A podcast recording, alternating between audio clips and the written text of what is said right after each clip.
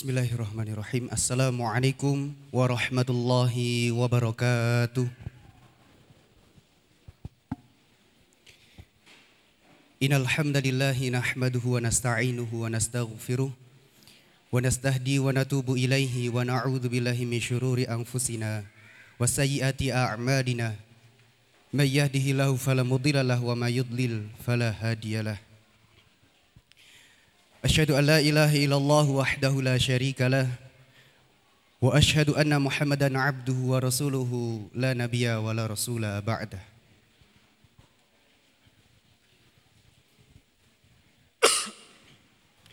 اللهم علمنا ما ينفعنا وارفعنا بما علمتنا وارزقنا بكرامتك الإخلاص والتوفيق والشداد في أقوالنا وفي أعمالنا. Allahumma arinal haqqa haqqa warzuqna tiba'ah wa arinal batila batila warzuqna tinabah amma ba'du. Hadirin yang berbahagia jamaah kajian Ahad bagi rahimani wa rahimakumullah. Alhamdulillahi rabbil alamin.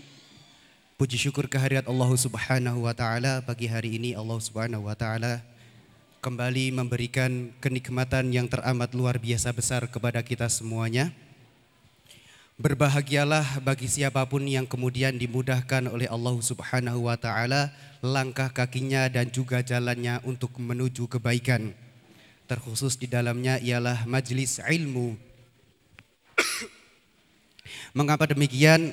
Sebab betapa banyak kita kita mendapati di sekitar kita jiwa raganya sehat walafiat, fasilitasnya lengkap, akan tetapi untuk melangkahkan kaki ke majelis ilmu terasa amat berat. Oleh karenanya siapa saja yang kemudian dimudahkan oleh Allah untuk beranjak menuju ke majelis ilmu, kemudian disifati oleh Rasulullah Sallallahu Alaihi Wasallam, disifati oleh sinten Pak Rasulullah, disifati oleh Rasulullah Sallallahu Alaihi Wasallam sebagai seorang hamba yang mendapatkan kemudahan disifati oleh Rasulullah seseorang yang dimudahkan langkah kakinya menuju ke ta'lim, ke majelis ilmu, itu akan dimudahkan jalannya menuju ke surga. Menuju ke mana? Ke surga. Maka Masya Allah ini teramat luar biasa besar kenikmatan dari Allah subhanahu wa ta'ala. Kemudian ketika kita memperhatikan banyak sekali dari kita kemudian mohon maaf tertatih-tatih menghadiri majlis ilmu. Ada yang berjalan kaki, ada yang menggunakan sepeda motor, ada yang kemudian diantarkan oleh saudaranya, ada yang kemudian diantarkan oleh anaknya, ada yang kemudian diantarkan oleh suaminya. Ada yang kemudian direzekikan oleh Allah diberikan fasilitas kendaraan berupa mobil. Ada yang kemudian berangkat ke majelis ilmu dengan angkot. Maka dari sekian banyak wasilah dari sekian banyak cara yang kita lakukan, yang kita tempuh untuk kemudian menghadiri majelis ilmu, semoga di dalamnya mengundang keberkahan dari Allah Subhanahu wa taala sebagaimana yang kita niatkan.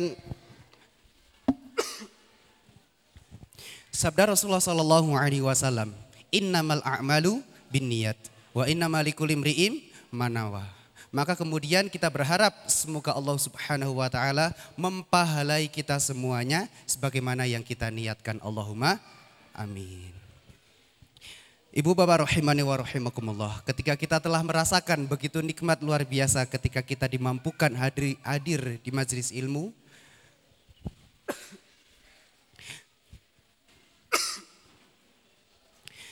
Maka kemudian tugas kita adalah mengajak orang yang ada di sekitar kita. Mengajak orang yang ada di sekeliling kita. Kemudian untuk mengikuti langkah yang telah kita laksanakan. Untuk kemudian ikut dengan kita bersama-sama hadir di majelis ilmu. Untuk apa? Untuk belajar. Untuk bertakorub. Untuk mendekatkan diri kepada Allah subhanahu wa ta'ala. Untuk belajar amal lahiriah dan juga amal batiniah. Belajar apa Pak?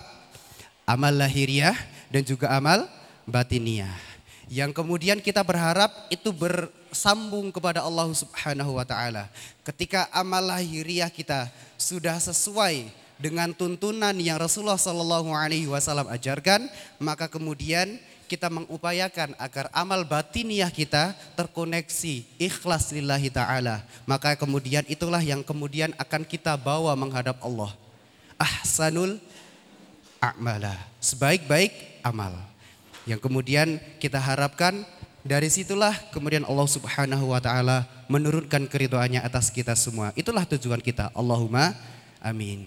Ibu bapak rahimani wa rahimakumullah berbahagia sekali bagi hari ini berkesempatan untuk menyambut panjenengan semuanya. Ahlan wa sahlan bihudurikum. Selamat datang kembali di kajian Ahad pagi pada kesempatan kali hari ini.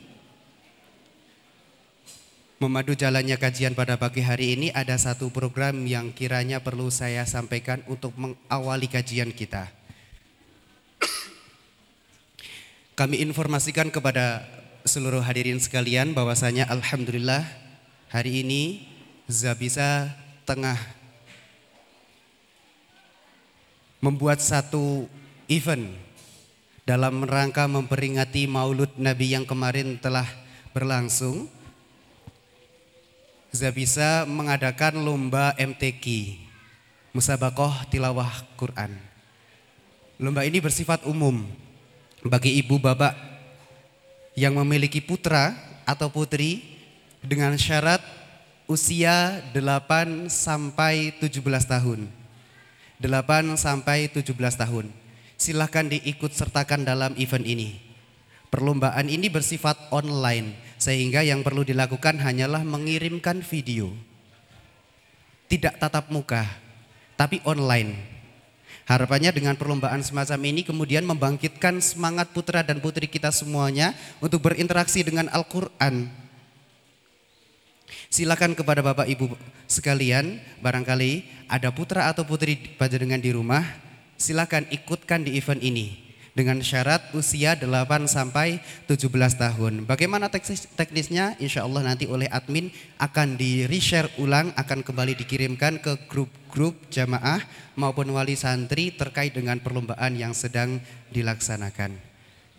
Kemudian Ibu Bapak rahimani wa insya Allah pada kesempatan pagi hari ini kita akan kembali belajar bersama terkait dengan Formula 12 Plus yang Alhamdulillah sudah masyur di telinga kita bersama Gurunda Kiai Haji Umar Fakihuddin Alhamdulillah telah hadir di tengah-tengah kita kemudian kita mengundang beliau untuk berkenan hadir menyampaikan materi yang insya Allah akan menjadi bahan pembelajaran untuk kita semuanya kita awali kajian kita pada pagi hari ini dengan bersama-sama membaca ta'awud dan basmalah. A'udzu billahi minasyaitonir rajim. Bismillahirrahmanirrahim.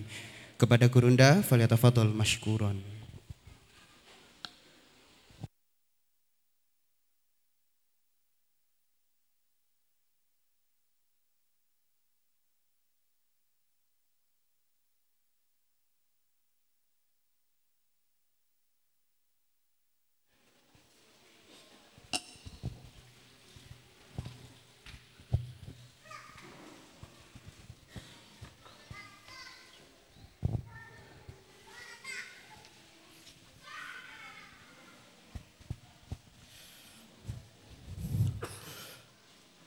Bismillahirrahmanirrahim.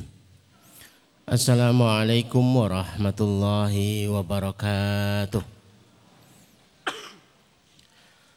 Innal hamdalillah nahmaduhu wa nasta'inuhu wa nastaghfiruh wa nastahdi wa na'udzu billahi min shururi anfusina wa min sayyiati a'malina.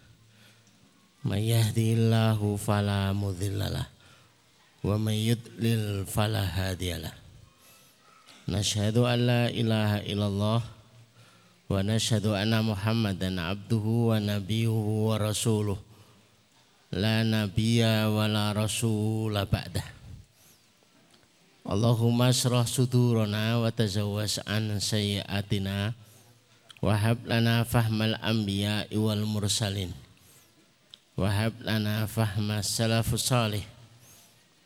Allahumma anfa'na bima alamtana wa alimna ma yanfa'una.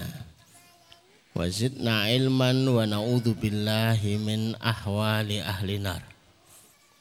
Allahumma la sahla illa ma ja'altahu sahla. Wa anta taza'alul hazna idha syi'ta sahla Rabbi syrah li sadri wa yasir li amri wahlul uqdatan min lisani yafqahu qawli. Rabbi zidni ilma. Bapak Ibu dan jemaah sekalian yang dirahmati Allah.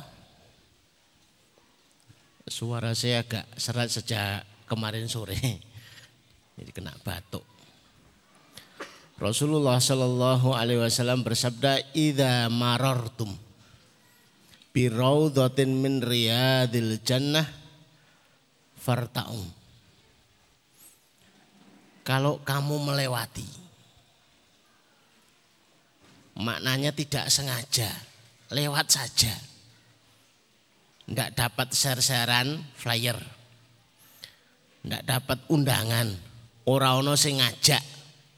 Ndak ada yang boncengkan. Juga bukan sebuah aktivitas yang rutin. Tidak sengaja kemudian ngelihat rame-rame kayak apa toh?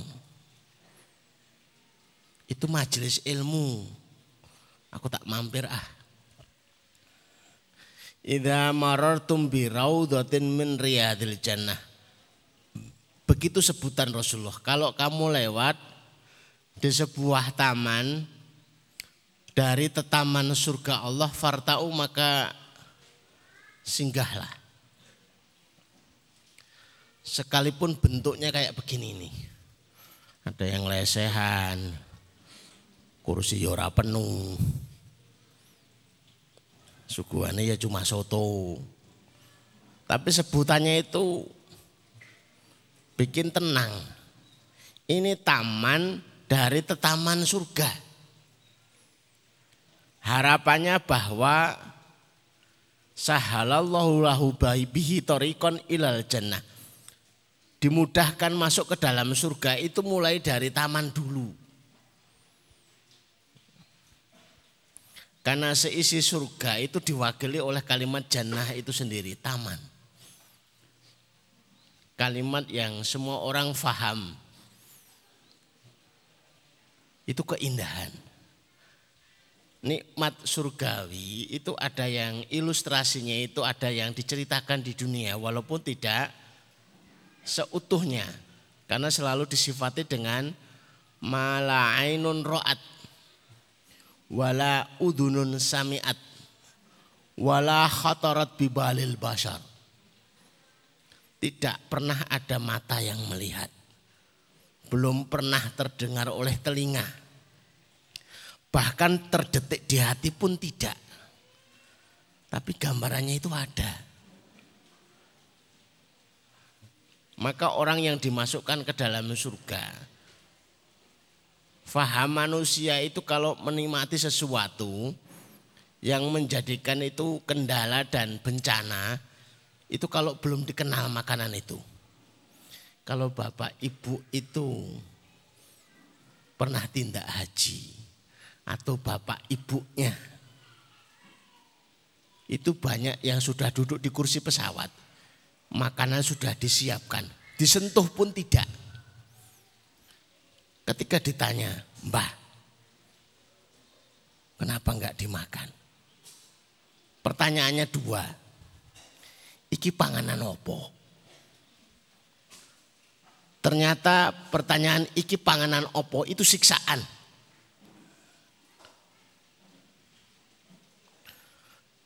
Saya umroh pertama kali itu di Hotel Bintang 5. Yang ada burj, yang ada jamnya itu. Lantai 32. Mendapat kesempatan kehormatan untuk ke restoran Bintang lima juga. Tapi panjenengan akan terkejut karena masakannya itu saya tidak kenal semua. Akhirnya saya pesan yang saya kenal, ditanya, makan apa pak? Sego goreng. Jadi ya ketawain biar aja. Sego goreng sekalipun itu yang kita kenal. Ternyata makan sesuatu yang belum dikenal itu siksaan. Pertanyaan kedua setelah iki panganan opo? Itu adalah iki cara mangane piye?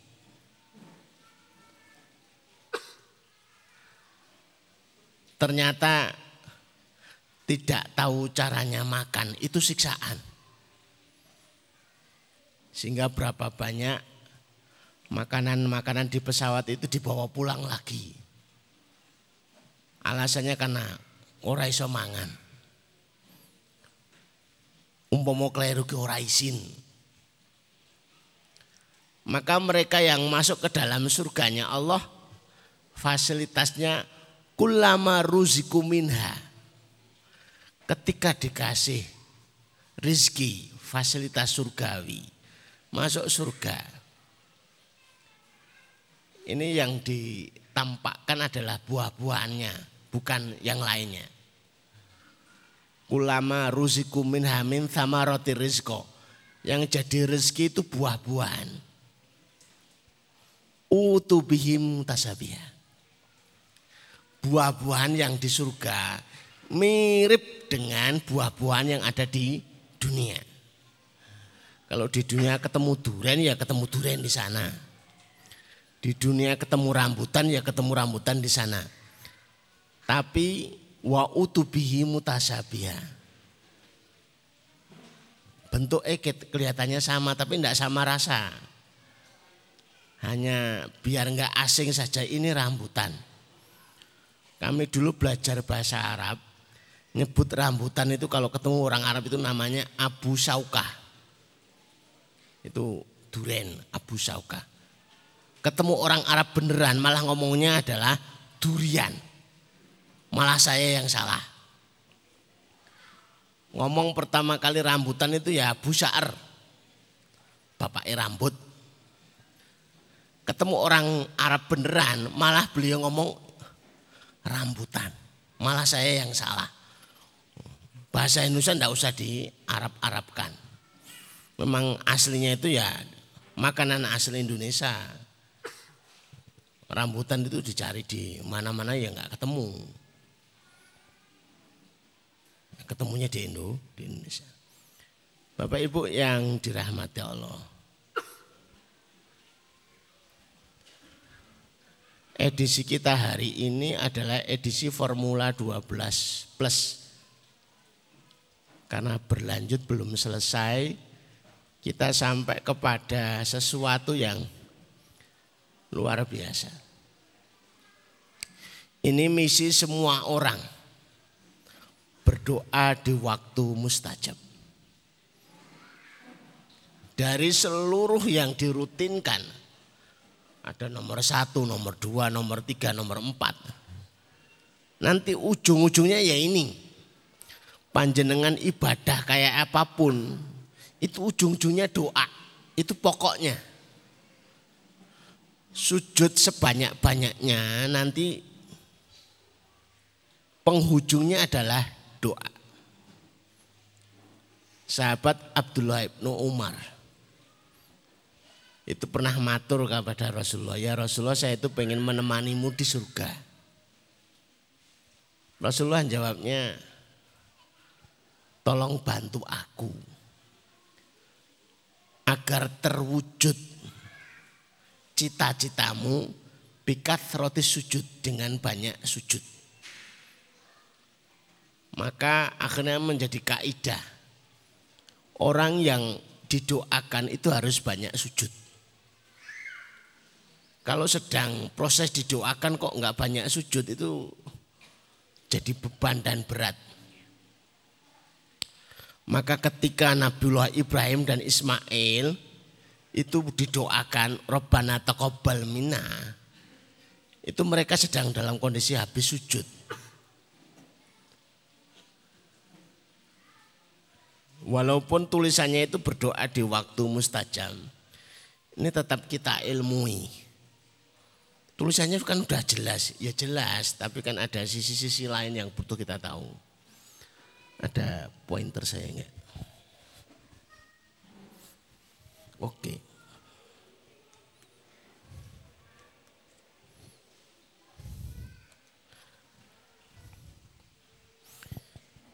Ya. Doa itu adalah inti ibadah. Baik itu adalah ibadah fisik, ibadah lisan, ibadah hati. Kok sudah disebut belum ada tulisannya. Yang keempat, sekaligus ungkapan cinta, ungkapan harap, dan ungkapan rasa takut. Jenengan ndak usah ngaku-ngaku cinta kepada Allah, jaluk wera tahu. Ndak usah merasa berharap kepada Allah. Ternyata habis sholat itu jarang berdoa. Jadi ada tiga rasa yang dikumpulkan dalam satu ibadah itu. Al-hubbu rasa cinta, aroja'u harapan, kemudian yang ketiganya itu adalah rasa takut. Takut kalau urusannya itu tidak beres. Maka ketiganya itu dihadirkan, diolah. Kalau tanpa doa itu kita sulit mengungkapkan rasa cinta kepada Allah itu sulit. Tapi kalau seorang hamba Allah yang punya rasa cinta itu sedikit-sedikit doa, sedikit-sedikit doa dia selesaikan urusan pribadinya dengan doa, dia selesaikan urusan yang dicintainya dengan doa, dia selesaikan urusan-urusan yang ada di sekitarnya dengan doa. Disebut muhul ibadah. Intisari doa, intisari ibadah. Bapak Ibu yang dirahmati Allah. Nabiullah Musa itu kuatnya luar biasa. Muridnya saja namanya Sam'un, kemudian jadi filmnya Samson. Terus ceritanya jadi beda lagi. Itu muridnya saja itu mengalahkan 100 orang, 150 orang dengan tulang keledai itu bisa. Nabiullah Musa itu lebih dahsyat daripada itu itu mengalahkan Fir'aun itu yang digunakan adalah senjatanya adalah doa. Maka doanya diulang selama 40 tahun. Kalau kita sempat apa ya ngeper, dungaku kok nggak terkabul-kabul. Kita ingat, oh Nabi Musa saja itu 40 tahun agak terkabul. Pengen dapat jodoh, Ternyata usianya 10 tahun, terlalu kecil lah, belum waktunya. Tapi mempersiapkan doa itu luar biasa. Disuruh untuk membaca lagi setiap hari Jumat itu surat Al-Kahfi. Karena itu ibroh yang luar biasa. Diperlihatkan tentang Ashabul Kahfi. Bahwa besarnya urusan dihadapi oleh tujuh orang sekalipun itu tuntas. Yang dihadapi tujuh orang itu satu negara. Semua pengikut Ashabul Kahfi itu sudah habis. Tumpas tinggal tujuh. Tapi tujuh orang itu tidak tidak berputus asa. Maka perjuangan Islam itu sekalipun jumlahnya sedikit, jumlahnya berapa enggak? Pengajian kok cuma segini. Ini masih banyak. Apalagi kalau diikuti dengan dibandingkan dengan umat Nabi Nuh. Umat Nabi Nuh itu dihabiskan semua yang ada di dunia gara-gara hanya untuk 12 orang saja. Semuanya tenggelam di mana di atas gunung yang paling tinggi itu tingginya 150 meter. Tingginya air itu 150 meter. Silakan dicek surah apa tuh di tafsir Ibnu Katsir jilid yang ketiga.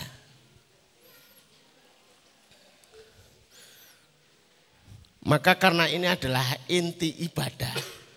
Seluruh yang ada di Formula 12 itu intinya ini diharapkan panjenengan itu menjadi sosok-sosok yang khairun nas sebaik-baik manusia.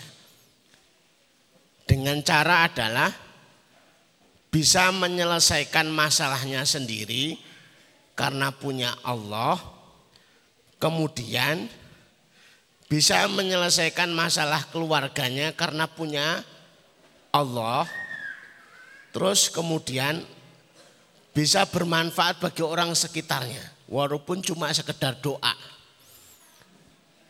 Aku awakku kok loro kabeh. Sebentar, saya tak sholat dua rakaat tak doakan panjenengan. Hutangku lunas-lunas. Izinkan saya sholat dua rakaat. Terus mendoakan panjenengan. Ini luar biasa. Sebagaimana yang dilakukan oleh seorang pemuda. Pemuda itu diabadikan kemudian dengan ashabul ukhdud. Bukan udud ya. Ukhdud itu surat Al-Buruj. Itu semua orang dibakar gara-gara masuk Islam semuanya. Syariat belum banyak. Syariat kita itu paling sempurna. Jadi kalau merasa kami tidak tahu caranya, tidak tahu syariatnya. Syariat kita itu paling sempurna. Maka ketika ayat terakhir turun itu langsung distempel. Al yauma hari ini akmaltu aku sempurnakan. Ada yang merasa syariat ini belum sempurna, itu salah. Syariat ini disempurnakan, nikmat Allah juga disempurnakan. Orang yang paling sempurna mendapatkan nikmat adalah yang paling sempurna melaksanakan syariat Allah Azza wa Jalla. Kita lanjut.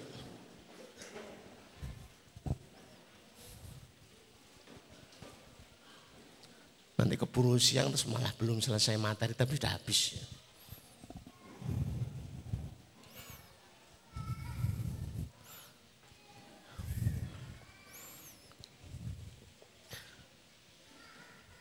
Pertama kali yang harus kita tandai, yang kita ketahui adalah menandai waktu mustajab.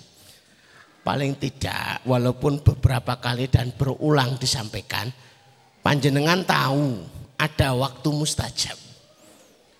Terus tidak terlewat. Luwung sehari itu ada sekian kali waktu mustajab. Kok bisa-bisanya nganggur? Setelah itu kemudian kita ngeluh, galau. Masalahnya nggak selesai-selesai. Kayak kita itu punya sampah banyak di rumah, punya banyak sampah di apa ini? Di keluarga. Sementara sehari itu ada 10 kali mobil sampah itu lewat. Sama sekali kita nggak nitip. Lah ngapain gitu loh. Wong ada fasilitas. Maka fasilitas auqatul mustajabah itu untuk kita. Allah tahu kita itu banyak masalah. Kalau enggak banyak masalah mesti dikasih masalah. Tengok percakapan Allah dengan malaikat. Ditanya malaikat, apakah hambaku masih berdoa? Iya ya Allah, dia masih berdoa. Jangan kabulkan. Ini kan aneh gitu loh. Lah kenapa ya Allah? Aku suka rengeannya. Lah disukai rengean Allah itu perkara. Pantesan tidak terkabul terkabul ternyata jenis yang disukai Allah. Ini kalau enggak di kalau enggak apa tuh doanya enggak dikabulkan itu dia doa lagi. Tapi kalau dikabulkan itu berhenti.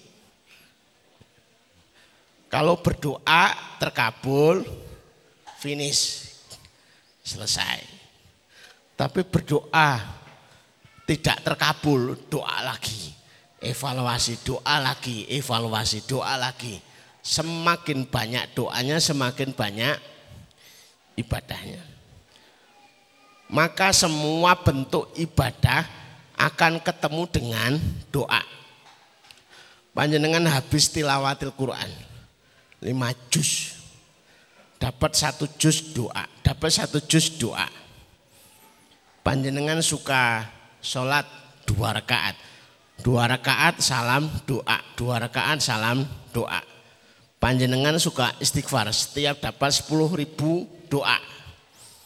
Panjenengan suka sodakoh. Setiap memasukkan itu. Itu fatwanya Syekh Ibnu Qayyim al-Zawji. Bahwa cara berdoa itu salah satunya adalah dengan bersodakoh dulu. Jangan berdoa sebelum mengawali dengan amal. Habis ngisi kotak amal, doa. Ada teman saya di Purwo Purwokerto. Pagi-pagi itu masuk masjid ngisi 20 ribu. Kemudian berdoa. Sesuai dengan petunjuknya. Karena ngikuti saya juga ikut pengajian. Tapi doanya itu aneh. Mentang-mentang boleh berdoa, kemudian dia berdoa, ya Allah, saya itu orang yang masih buru pamrih. Saya masukkan 20 ribu, tapi saya butuhnya 40 juta. Lah kok akeh men? Ya kan bebas toh Ustaz. Ya tapi yo ora koyo ngono. Lah oleh apa? Ya. Dan hari itu dia dapat 40 juta.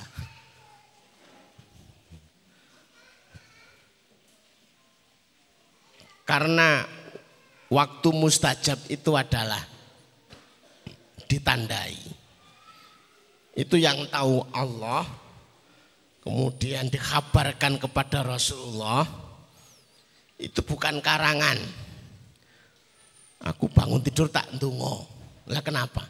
Menowo. Enggak ada seperti itu. Aku tak sholat duha, sholat duha tak ndonga. Secara umum itu dapat. Tapi waktu-waktunya itu sudah ditandai, sudah ditentukan. Sehingga kita tinggal milih. Lebih mudah. Sekaligus kalau sifatnya itu adalah umum, mutlak. Kapan saja itu bisa berdoa.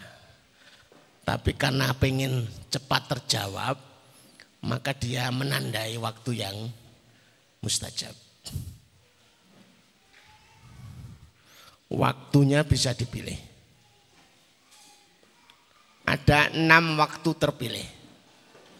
Saya tuliskan ini di apa nih di layar. Kalau panjenengan kelewatan itu bisa dicek di ini disimpan di mana ini? Di Google Drive ya. Kalau bingung-bingung ya ngerepoti admin aja. Tolong saya dikirimi yang materi kemarin. Sebenarnya ada banyak waktu yang terpilih. Tapi saya sengaja menuliskan hanya empat. Karena kalau dijelaskan misalkan 10, 11 sampai 20 ini orang rampung-rampung. Terus rong karuan. Ini yang sudah terkenal dan sudah kita biasa lakukan. Yang pertama ba'da sholat. Yang dimaksud ba'da sholat adalah sholat lima waktu. Yang kedua antara adzan sampai iqomah. Bainal adzan wal iqomah dakwatun la turaddu. Jadi kalau sudah adzan ditutup dengan la ilaha illallah Allahumma robba hadhi ta'wati tamah wa sholatil qa'imah ati Muhammadin alladhi al wasilata wal fadilah wa ba'athu lahu maqamah mahmudah itu cepat-cepat berdoa dengan doa apa saja karena kita berada pada waktu mustajabah. Yang ketiga waktu safar.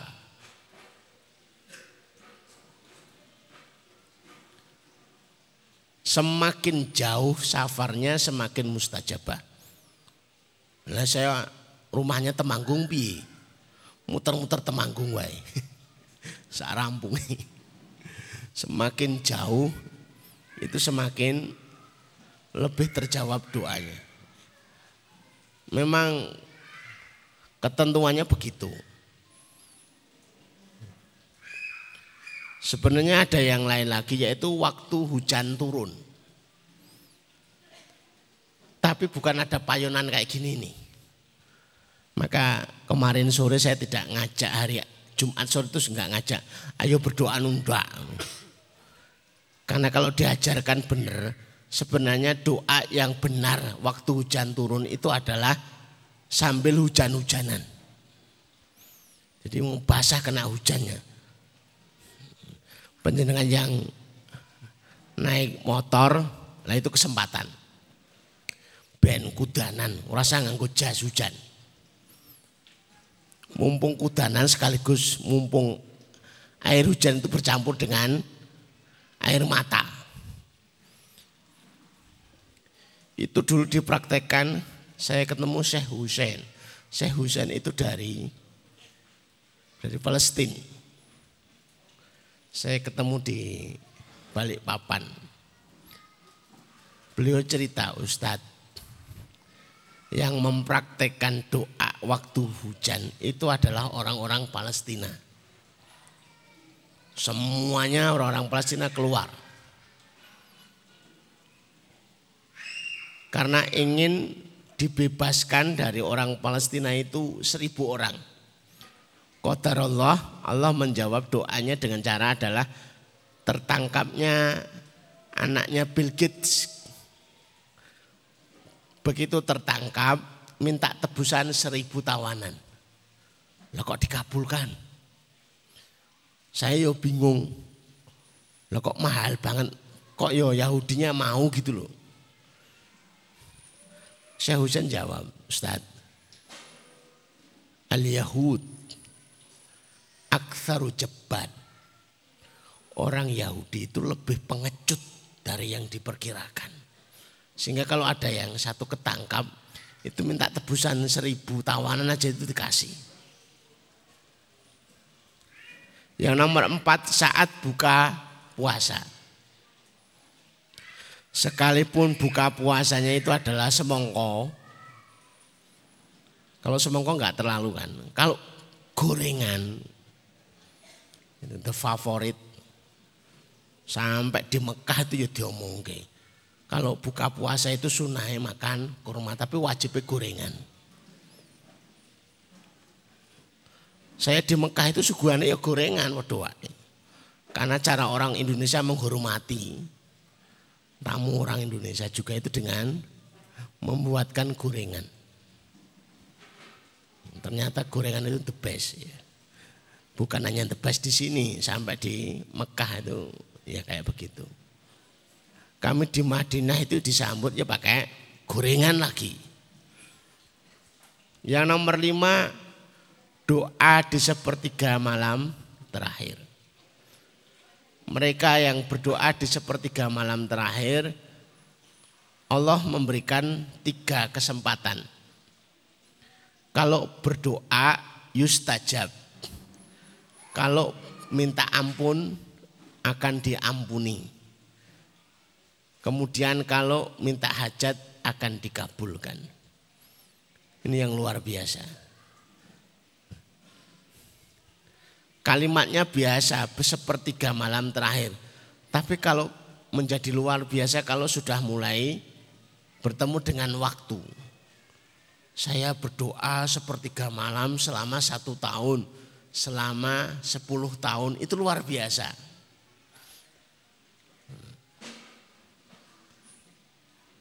Amalan itu menjadi sebuah istiqomah dan menjadi biasanya menjadi luar biasa itu kalau bersambung dengan istiqomah.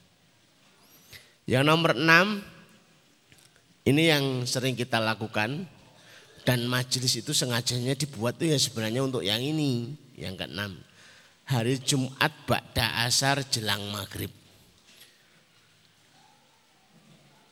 Kalimatnya Ba'da Asar sampai maghrib disebut sebagai sa'ah ada waktu di mana berdoa waktu itu adalah mustajab.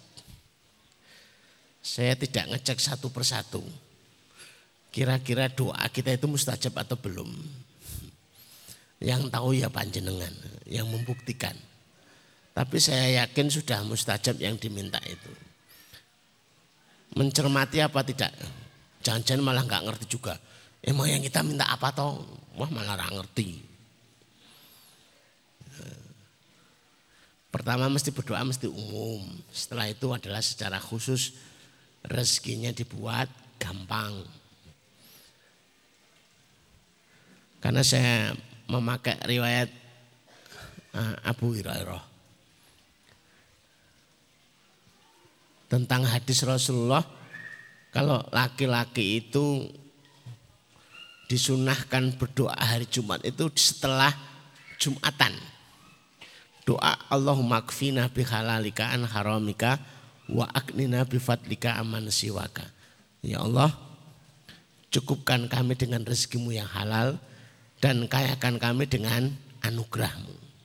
Ini khusus untuk tambahan rezeki dan sekaligus segera terlunasi hutang-hutang. Kalau bapak-bapak itu pada Jumat, tapi kalau ibu-ibu pada asar. Ini mempertemukan susah. Berarti itu doa untuk ibu-ibu aja orang yo. Itu doa untuk semuanya, bapak dan ibu. Kalau pada asar kan ketemu semua. Karena masalahnya bapak ya masalahnya ibu, masalahnya ibu juga masalahnya bapak. Ini saya tambahkan yang luar biasa. Ada yang sempat kita lewatkan. Kita itu punya pasukan doa. Tapi jarang digunakan pasukan doa itu. Berdoa lebih mustajab kenapa enggak digunakan? Kita pernah mengajarkan ini pakai apa itu papan tulis itu. Ya. Jadi kalau berdoa itu jangan-jangan kita itu doanya nggak sama.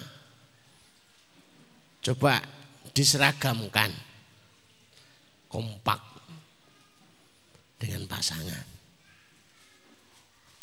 dengan anak-anak kita yang merempeng berdoa jebule anak ekor dumlam dumlam wae. Bapak ini nyapa tong? Kaya wong susah wae. Padahal kita sedang berdoa. Ibunya foto kok umak umi. Maka pasangan, anak, orang tua, mertua, kalau perlu ditambah dengan orang yang dalam kuasanya, ada pembantu, ada karyawan, itu gunakan. Kalau saya ya ada jamaah pengajian itu gunakan. Maka saya selalu mensyaratkan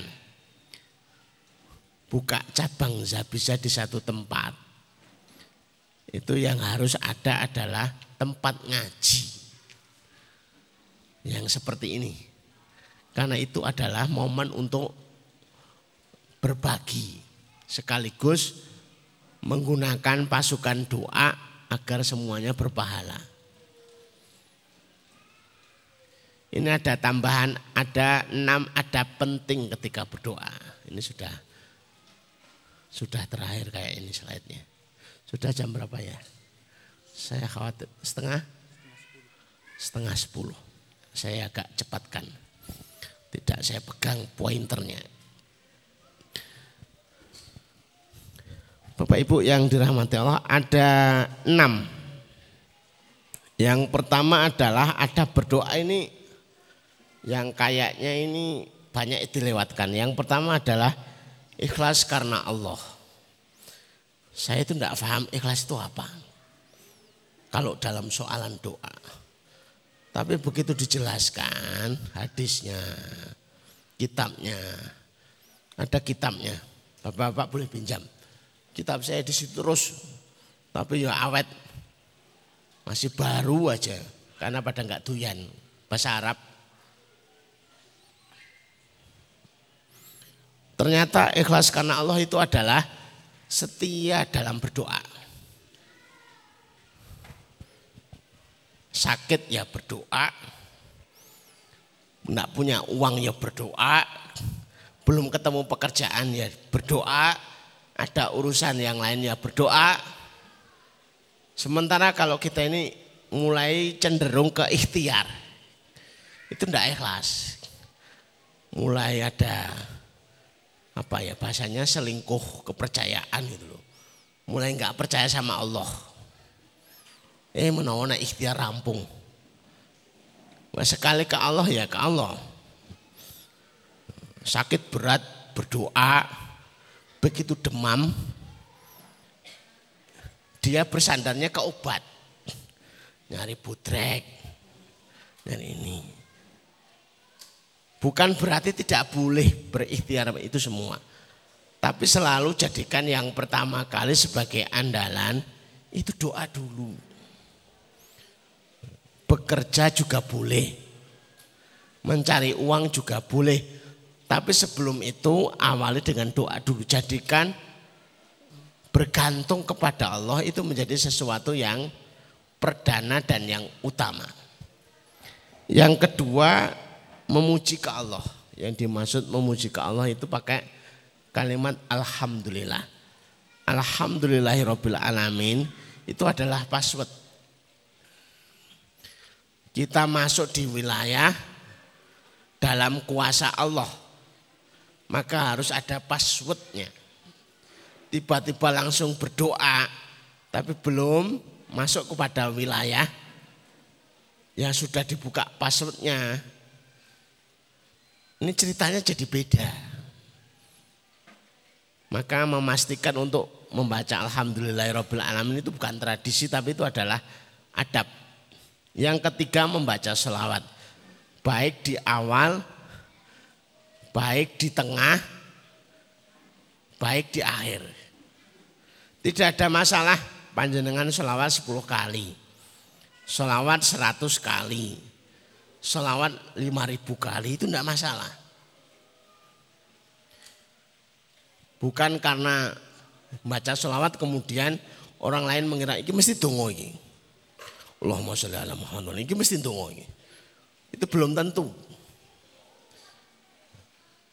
Kalau selawat itu seringnya disebut itu sebagaimana perangko kalau dalam istilah surat. Semakin banyak perangkunya, semakin melesat Bukan hanya surat kilat tapi surat melesat. Cepat. Panjenengan itu punya hajat berdoa yang solawatnya sekali dengan yang solawatnya sepuluh kali. Itu lebih cepat yang sepuluh kali. Yang ketik, yang keempat al ilhahu fid du'a. Innallaha yuhibbul mulkhina fi doa. Doa itu disunahkan untuk diulang-ulang. Allah suka doa yang diulang-ulang. Bukan berarti Allah lupa. Bukan berarti apa-apa. Tapi memang petunjuknya mengulang doa sampai tiga kali, sampai empat kali, sampai lima kali. Itu adalah adab.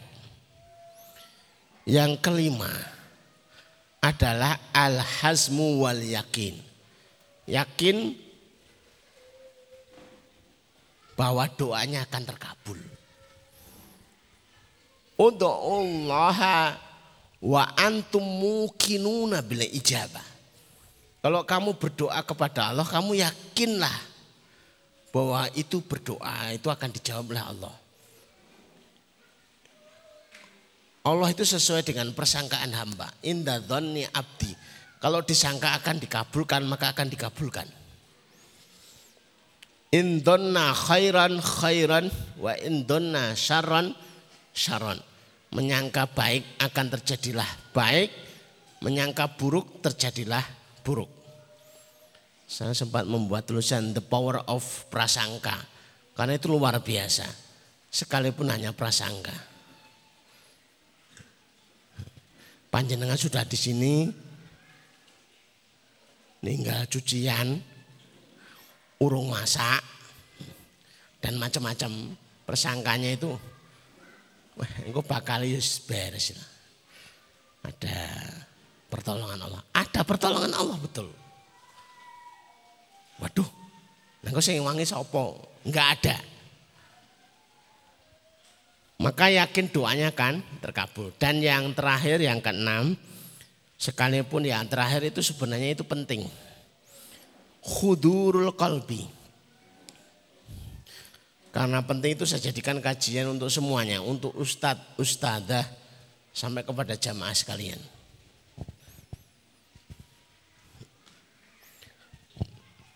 Menghadirkan hati.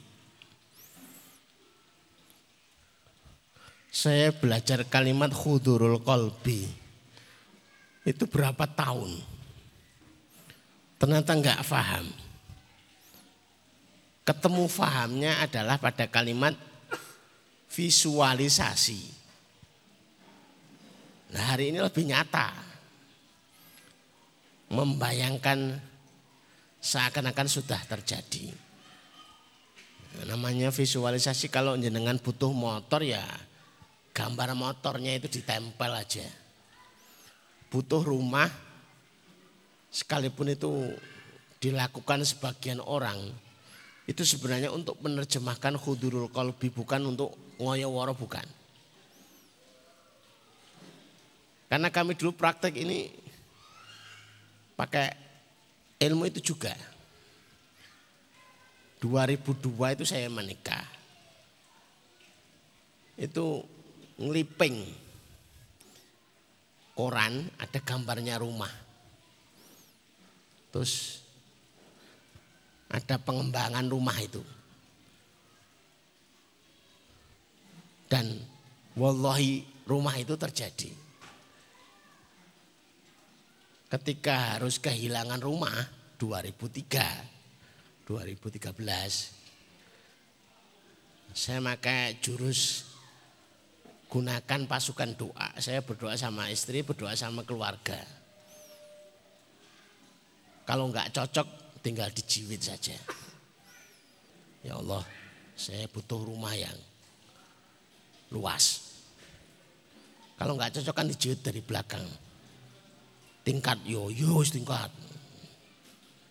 Halamannya luas, ada kolam koinnya, dan betul. Maka ini sangat disarankan bagi bapak ibu yang berkeluarga tapi belum dikaruniai rumah tempat tinggal. Karena ini kalau diangkat bersama keluarga sangat-sangat mustajab. Mungkin doa bapak belum tentu mustajab. Mungkin doa ibu belum tentu mustajab. Tapi doa anaknya malah mustajab sing si umbelen gitu. Ya Allah kasihan bapakku.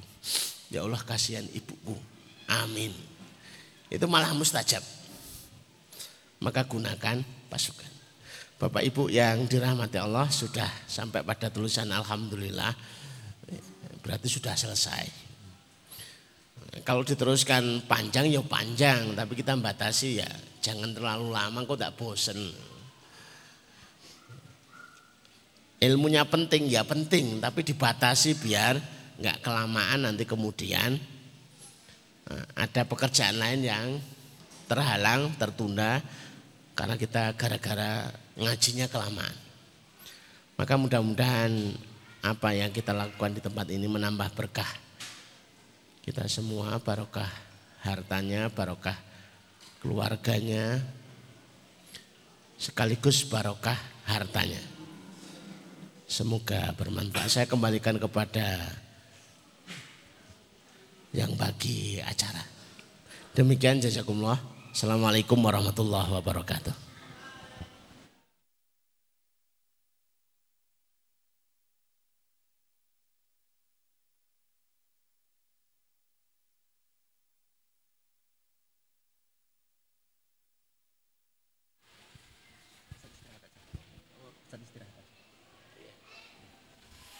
Alhamdulillahirrahmanirrahim Ibu Bapak Rahimani wa Rahimakumullah. Demikian materi yang telah beliau sampaikan. Semoga menambah kefahaman kita. Harapannya kemudian uh, kita aplikasikan dalam kehidupan sehari-hari kita di kemudian hari. Kemudian Ibu Bapak Rahimani wa Rahimakumullah Sebagaimana biasanya kajian ahad pagi Alhamdulillah telah disediakan door prize. InsyaAllah Harapannya menjadi penyemangat bagi kita semua untuk kemudian hari kita tetap menghadiri kajian. Ada beberapa door prize, di antaranya mystery box, kemudian voucher dari Janeta Rias pengantin syari, kemudian juga ada EOA Gold, kemudian baju anak-anak, tali pengait masker, mini sembako, dan amplop dari yayasan. Mohon kepada panitia yang bertugas untuk bisa menyiapkan. Baik. Sembari menunggu kami persilahkan kepada Bapak Ibu hadirin sekalian barangkali ada yang hendak ditanyakan. Alhamdulillah Ustadz masih mendampingi kita memberikan kesempatan bagi jamaah yang ingin bertanya. Silakan.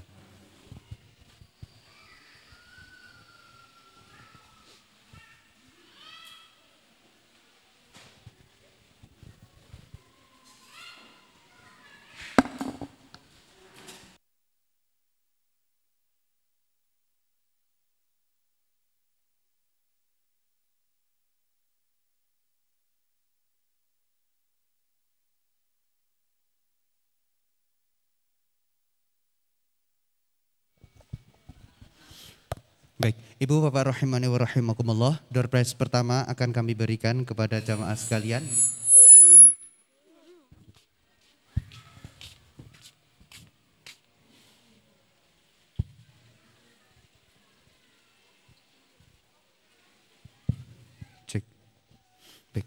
Sebagai bentuk apresiasi kami berikan kepada jamaah yang pagi tadi telah melaksanakan sholat tahajud dalam rangka mempraktikkan Formula 12 Plus sebanyak berapa rakaat Ustaz? 11 rakaat. Ada satu, Masya Allah. Ibu silakan boleh mohon untuk berdiri. Dua, Nggih, mohon untuk berdiri Ibu. Mendapatkan mystery box dari panitia silakan dipersiapkan mystery box satu dan juga door prize nomor tiga.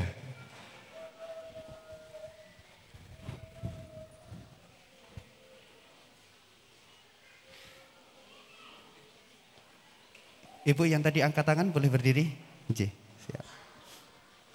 Oh ada tiga ibu, Oke, bisa berdiri ibu? Satu lagi mendapatkan door prize nomor tujuh. Iya. Silakan kepada panitia untuk bisa mengambil dokumentasi. Baik, kemudian untuk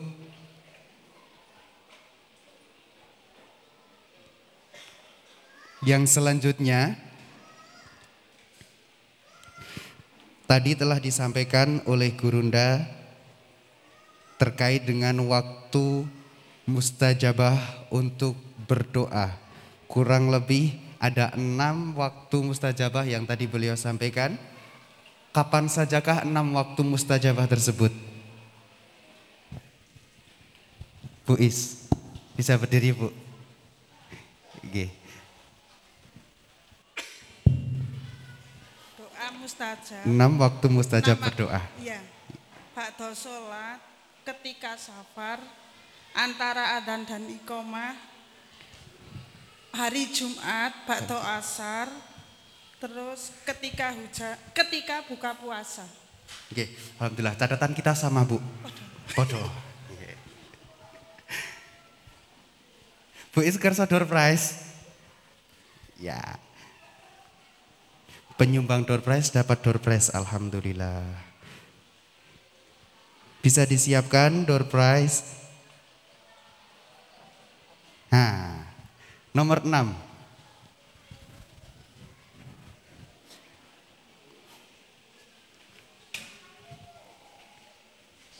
Tak turun dulu nanti kalau ada yang tanya tak naik lagi. Siap.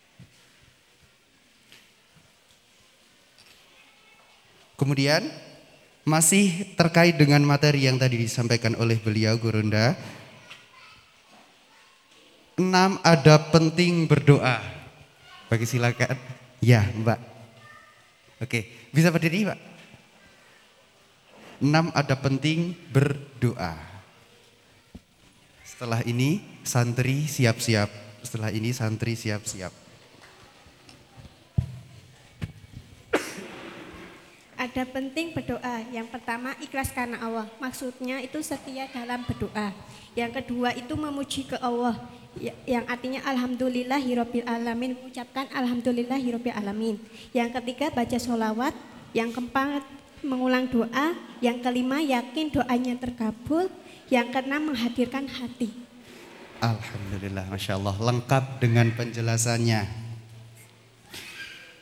Untuk mbaknya, mohon dipersiapkan door prize nomor 7. Iya. Door prize nomor 7. Oke. Siap-siap santri. Bacakan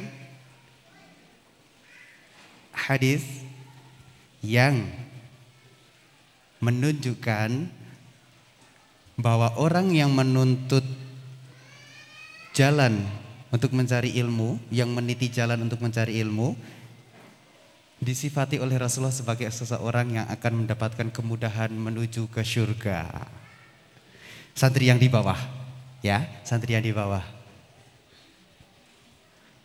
Hadis Nabi, tadi disampaikan tuh sama Ustadz. Ayo. Hadis yang menyampaikan bahwa seseorang yang meniti jalan untuk menuntut ilmu, dia dimudahkan jalannya menuju ke surga. Ayo, siapa? Mas Isa. Berdiri. Berdiri, berdiri. Ayo. Hafal dah dalilnya? Oke, santri yang di atas, ayo. Hmm. Jangan kalah, ayo. Lomba yang di atas sama yang di bawah. Santri dulu bu. Oke. Ayo. Ayo. Enggak ada yang hafal? Enggak ada yang hafal? Ayo, istami'u tsumma kariru. Hmm, benar, ada. Berdiri, ayo. Mikrofonnya siap. Bacakan Arabnya dulu, Mas. Iyalah. Man salaka tariqan yaltamisu fihi ilman sahalallahu lahu bihi tariqan ilal jannah. Artinya,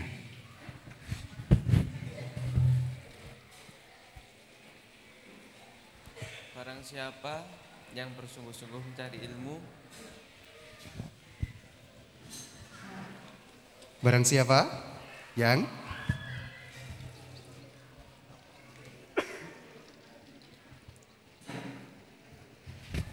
Nanti door prize-nya setengah. belum hafal. Belum hafal. Oke. Yang lainnya duduk dulu, Mas. Yang lainnya ada Oke, pertanyaan dilemparkan kepada jamaah. Tadi Ibu di belakang, G.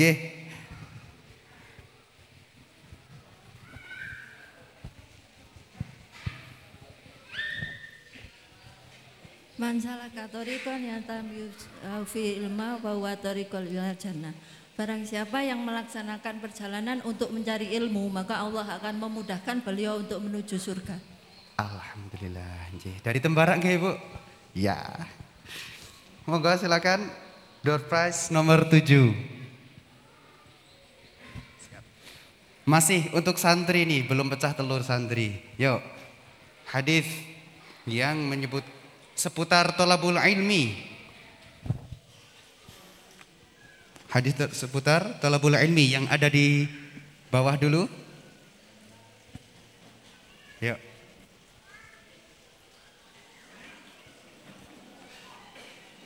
Satu, dua, tiga, hangus. Kepada ibu bapak hadirin kajian rahimana wa rahimakumullah, silakan barangkali ada yang ingin bertanya seputar materi atau di luar materi. Alhamdulillah tadi Gurunda menyampaikan masih akan meluangkan waktu untuk barangkali nanti memberikan pemaparan, pemaparan sesuai dengan pertanyaan yang disampaikan. Ada dari jamaah ibu bapak yang hendak bertanya, silakan.